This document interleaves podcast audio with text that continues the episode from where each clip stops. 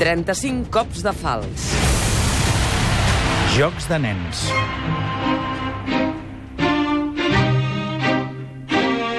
Ja us hem explicat en aquest espai com s'entretenien els adults, les apostes i jocs molt físics, però i els nens? A què jugaven? Susanna Tubenya, coordinadora del Servei Educatiu del Born Centre Cultural. Sobretot vinculat als objectes que s'han trobat aquí a les excavacions del jaciment, trobat baldufes, bales o caniques, joguines petitetes com de fireta, xiuladors d'aigua, per tant, tota una sèrie de jocs molt tradicionals, eh? molt en la memòria de, de la nostra societat.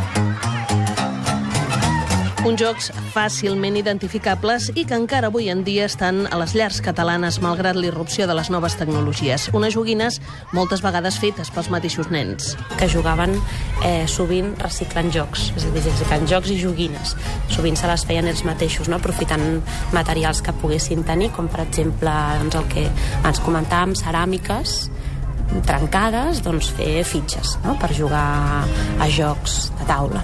Jocs de taula com el que ens explica la Susana. Aquí hem trobat eh, sobretot la, la pista d'un joc que es diu l'Alquerc, que ens l'hem d'imaginar com un taulell assimilable al que seria el taulell de, d'un tres en ratlla, per entendre'ns, són quatre en ratlla, és a dir, amb tot de línies verticals i horitzontals que es van entrecreuant, i doncs, justament vinculat a aquest tipus de joc trobem aquestes fitxes fetes amb ceràmiques erosionades, arrodonidetes, que doncs, ens demostren això, no? com el reaprofitament, el reciclatge de materials.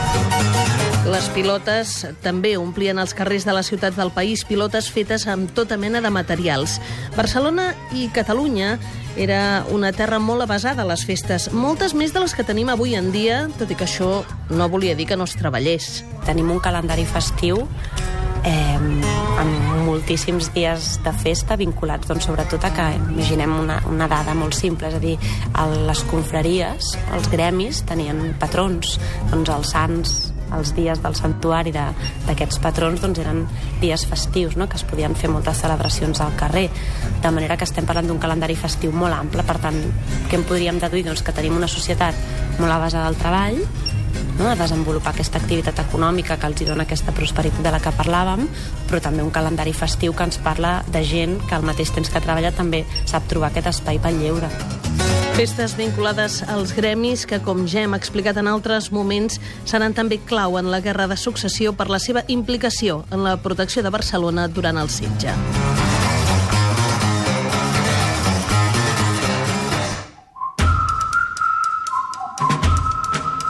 «35 cops de fals».